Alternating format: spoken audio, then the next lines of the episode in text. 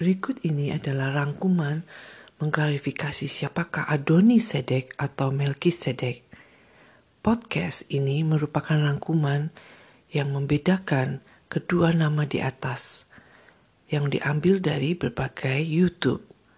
Tujuan pembahasan ini agar kita bisa mengetahui dengan benar apakah kata Melkisedek Adonisedek digunakan dalam kitab kejadian, Daniel dan Joshua itu merujuk pada orang yang berbeda secara signifikan.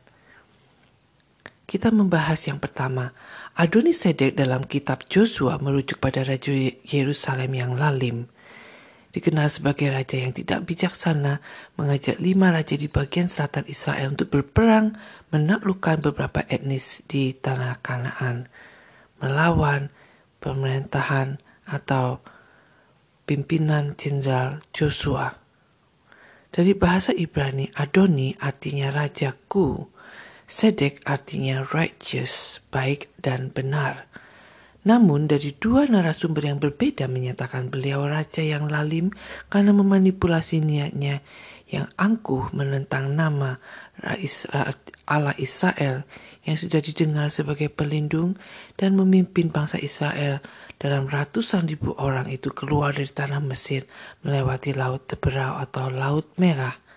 Meski beliau sendiri gentar mendengar Allah Israel telah membantu mengeluarkan dari tanah Mesir melewati sungai Teber, Laut Teberau, tetapi dia tetap bersikeras berperang untuk mendahului perang terhadap pasukan Joshua.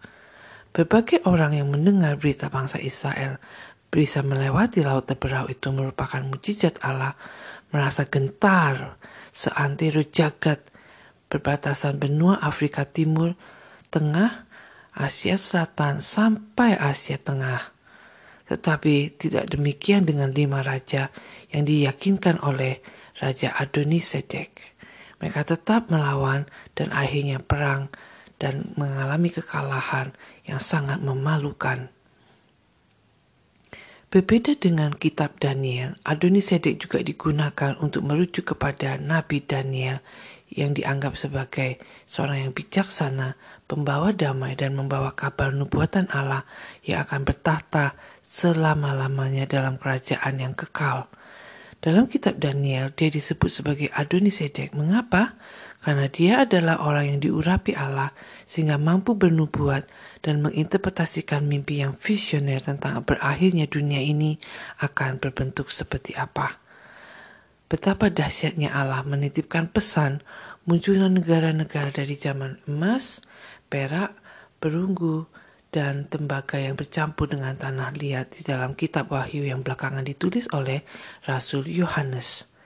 Zaman milenial ini muncul pada zaman tembaga yang bercampur dengan tanah liat yang menandakan nilai-nilai yang sudah berkawin dan berancu campur aduk dengan begitu membingungkan. Adonisedek dalam kitab kejadian 14 merujuk pada istilah Ibrani yang tidak lain merujuk pada kerajaan kebenaran yang akan muncul kemudian Raja kebenaran bernama Melkisedek seperti tertuang dalam perjanjian lama. Setelah Anda merangkum dari berbagai YouTube, kami berharap para pendengar memahami beberapa YouTube. Ada yang merupakan interpretasi tentang Melkisedek yang mainstream dan merupakan proses Yahudinisasi. Mereka menyamakan Melkisedek sebagai bentuk Mesias pertama yang memiliki uh, satu unsur dayati keilahian seperti malaikat yang sifatnya kekal. Ini disebut di dalam perjanjian lama tetapi sebetulnya Melkisedek ini tidak sama dengan Yesus Kristus atau sebagai Mesias yang diidam-idamkan di dalam doktrin agama Yahudi. Teman-teman, anak-anak, dan adik-adik perlu waspada ya bahwa narasumber merupakan cara teologi Yahudi mengcounter kekristenan pada zaman abad yang awal, abad pertama awal di mana Yesus Kristus sebagai juru selamat dialihkan kepada Melkisedek sebagai penatua di dalam agama Yahudi. Dengan kita memahami kaitan perjanjian lama dengan perjanjian baru, kita bisa memahami Mesias yang mampu memberi keselamatan umat manusia hanya di dalam Yesus Kristus. Mari kita memulai pembahasan yang kedua tentang Melkisedek. Istilah Melkisedek atau nama Melkisedek disebut dalam kitab Kejadian pasal 14.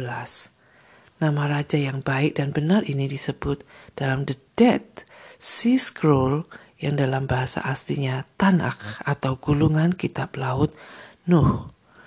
Noah yang menyebutkan pada zaman Israel keluar dari tanah Mesir dan berjalan kaki 40 tahun lamanya di gurun pasir, bangsa Israel sudah belajar dari guru besar Melkisedek untuk memahami filsafat pemikiran mendasar, visi misi bangsa dari Yahudi, sejak lain dan tidak bukan adalah memahami kapan munculnya Mesias. Dan ini merupakan ajaran yang terpenting di dalam Moreh atau The Great Tree, tempat ke mana bangsa itu akan berguru dan yang berkarisma menjadi peletak dasar ramifikasi atau percabangan pohon nilai-nilai orientasi filsafat Yahudi dalam aplikasi kehidupan etika perilaku sehari-hari. Nah, kita akan membahas dari sumber kejadian pasal 14 menyebutkan Melkisedek membawa roti dan anggur minuman untuk memberkati Abraham sebagai tanda dia mewelcome pasukan-pasukan Abraham yang sudah kelaparan dan kehausan sepulang dari perang melawan lima raja-raja negeri-negeri yang mengganggu keponakan Abraham bernama Lot, yaitu Raja Eleazar, Raja Sinear, Raja Kedorlamer, Elam, Tideal, Goyim, dan Ariok. Semua raja ini tunduk terhadap Raja Kedorlamer selama 13 tahun, nenak, tetapi setelah pada tahun yang ke-14, raja-raja tersebut yang berada di bawah pimpinan Raja Sodom dan Gomora ini melawan kerajaan Kedorlamer. Mereka memerangi Kedorlamer di mana Lot bertempat tinggal dan akhirnya juga mengalami ancaman ketidakamanan. Abraham terpaksa turun tangan setelah dihubungi oleh teman-teman sekutunya, Eskol dan Aner yang memberitahu Abraham yang hidup di bawah pohon Tarbatim di Sikem. Abraham terpaksa turun tangan untuk berperang dengan mengerahkan 318 rakyatnya maju mengejar musuh dari Hoba hingga Damsik mengalahkan Raja Kedor Lamer Barulah Lot terselamatkan bersama seluruh anak dan istrinya. Jadi Abraham berperang bukan dalam rangka untuk mengalahkan negeri-negeri Kanaan, tetapi semata-mata mau menyelamatkan keponakannya dari kerajaan-kerajaan yang lalim. Sebagai raja suatu negeri yang besar dan berkiprah seperti Yerusalem di atas satu pegunungan besar di, di Salem, Melkisedek dikenal sebagai Raja Salem atau Raja yang membawa perdamaian sama seperti arti dari kata kota Yerusalem yang belakangan terbentuk di atas pegunungan yang berukuran besar tersebut. Melkisedek mengurapi Abraham sebagai tanda thanksgiving mereka karena menang perang terhadap Kedorlamer dan Allah memintakan Melkisedek untuk mengurapi Abraham dalam bentuk penampakan yang sama dilakukan oleh Allah terhadap Abraham. Kemudian Abraham yang dinyatakan akan menang di dalam perang selama penampakan itu memberikan perpuluhan kepada Melkisedek untuk hidup berdamai dan mereka mau hidup berdampingan sebagai kerajaan yang sama-sama memiliki harta yang besar Melkisedek juga mengalami penampakan dari mana kedua-duanya Abraham dengan Melkisedek telah berguru dengan Shem sebagai guru agama mereka sejak mereka kecil. Namun, Melkisedek tidak lebih sebagai manusia biasa, bukan sebagai seorang yang memiliki unsur supranatural atau deity, seperti yang ditekankan dalam versi yang bias Yahudi Nisasi Ketidaksamaan interpretasi kedua adalah Melkisedek menjadi hakim dunia ketika dunia akan berakhir dan menjadi juru selamat dunia. Ini merupakan ketidaksamaan di dalam Yahudinisasi dan kekristenan. Karena tidak ada hubungan antara Yesus dengan Melkisedek kecuali Melkisedek merupakan imam yang besar atau imam agung yang sebetulnya merupakan satu tipologi khusus yang menurunkan kepada Yesus yaitu mereka merupakan imam yang berasal bukan dari suku Lewi tetapi berasal dari tipologi juru selamat yang terhadap bangsa Israel dan terhadap seluruh dunia. Mereka akan menjadi imam atau imamat yang agung.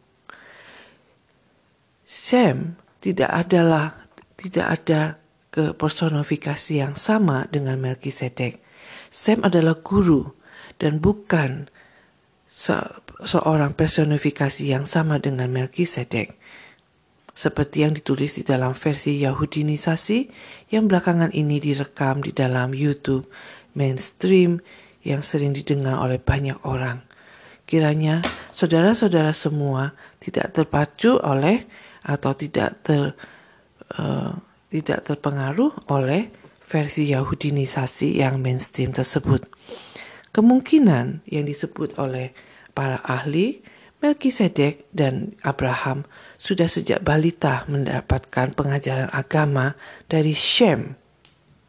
Kira-kira pada waktu itu Shem berusia 75 tahun dan maksud saya Abraham berusia 75 tahun ketika Laban keponakannya ikut bersama meninggalkan Irak atau Urkasdim.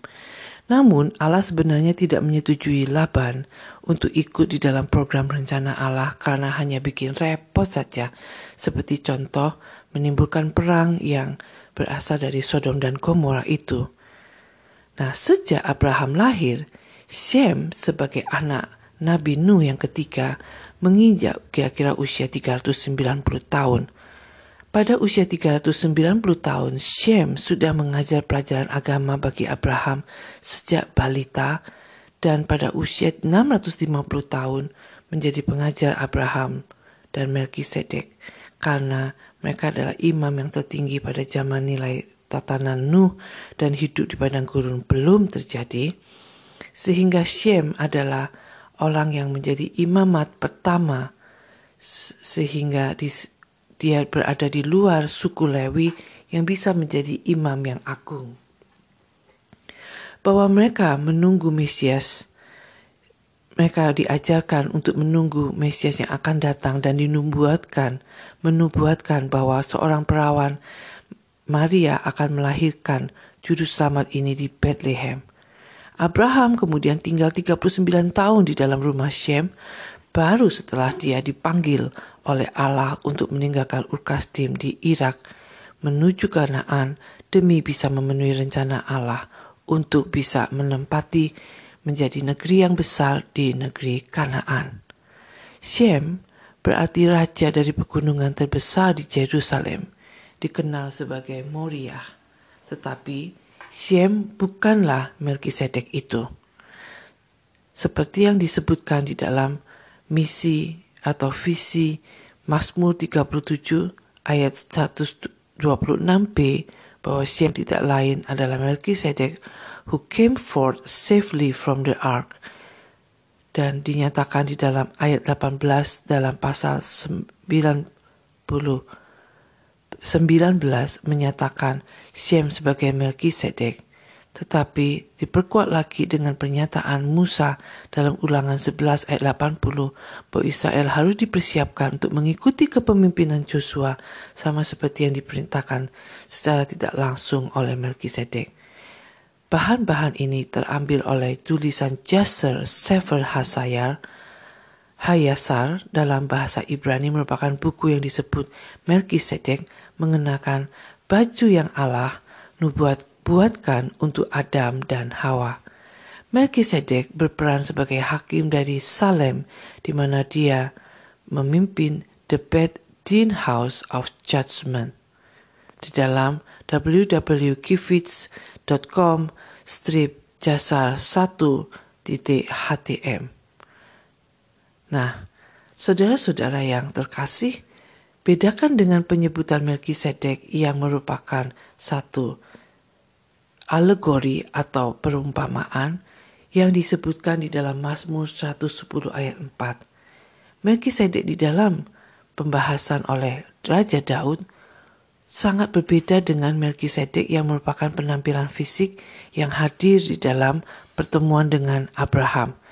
Melkisedek di dalam Mazmur 110 merupakan kemunculan yang kedua di dalam Alkitab bahwa aku tidak akan menyesali untuk bersumpah bahwa engkaulah Allah Yesus yang akan menjadi Mesias sesudah masa Melkisedek.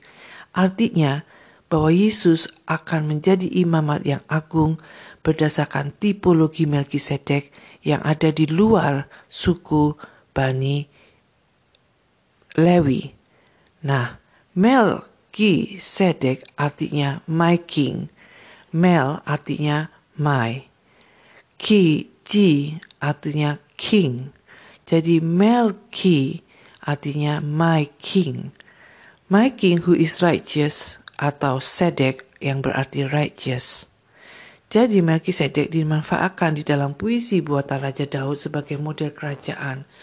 Kerajaan Daud yang berorientasi terutama kepada perdamaian dan keadilan ala eskatologi seorang raja di Yerusalem, Melkisedek. Melkisedek menjadi simbol eskatologi atau teologi simbolis yang seharusnya dipancarkan seorang raja, yaitu beraura kesucian guru agama, plus sebagai seorang penguasa yang menjadi pejabat yang setia kepada Allah. Inilah tipologi atau model seorang raja yang beraura kesucian agama yang diidolakan di dalam puisi-puisi Raja Daud. Sebelum pasal 110 bisa juga dikonfirmasi di dalam Mazmur 89 pasal ayat kedua bahwa memang yang dibahas di dalam Pemazmur 110 itu merupakan satu alegori bukan merupakan satu kemunculan bahwa Melkisedek secara hadir bertemu dengan Raja Daud atau dia menjadi raja yang kekal. Nah, interpretasi dari para agama Yahudi ini merupakan mainstream yang harus di counter oleh uh, YouTube-YouTube yang kemudian muncul belakangan dan perlu teman-teman dan saudara-saudara muda mengetahui bahwa Melkisedek tidak bisa disamakan dengan Shem dan tidak memiliki unsur deity atau supernatural. Demikianlah saudara-saudara pembahasan atau interpretasi dan rangkuman dari berbagai sumber yang kami peroleh dari YouTube.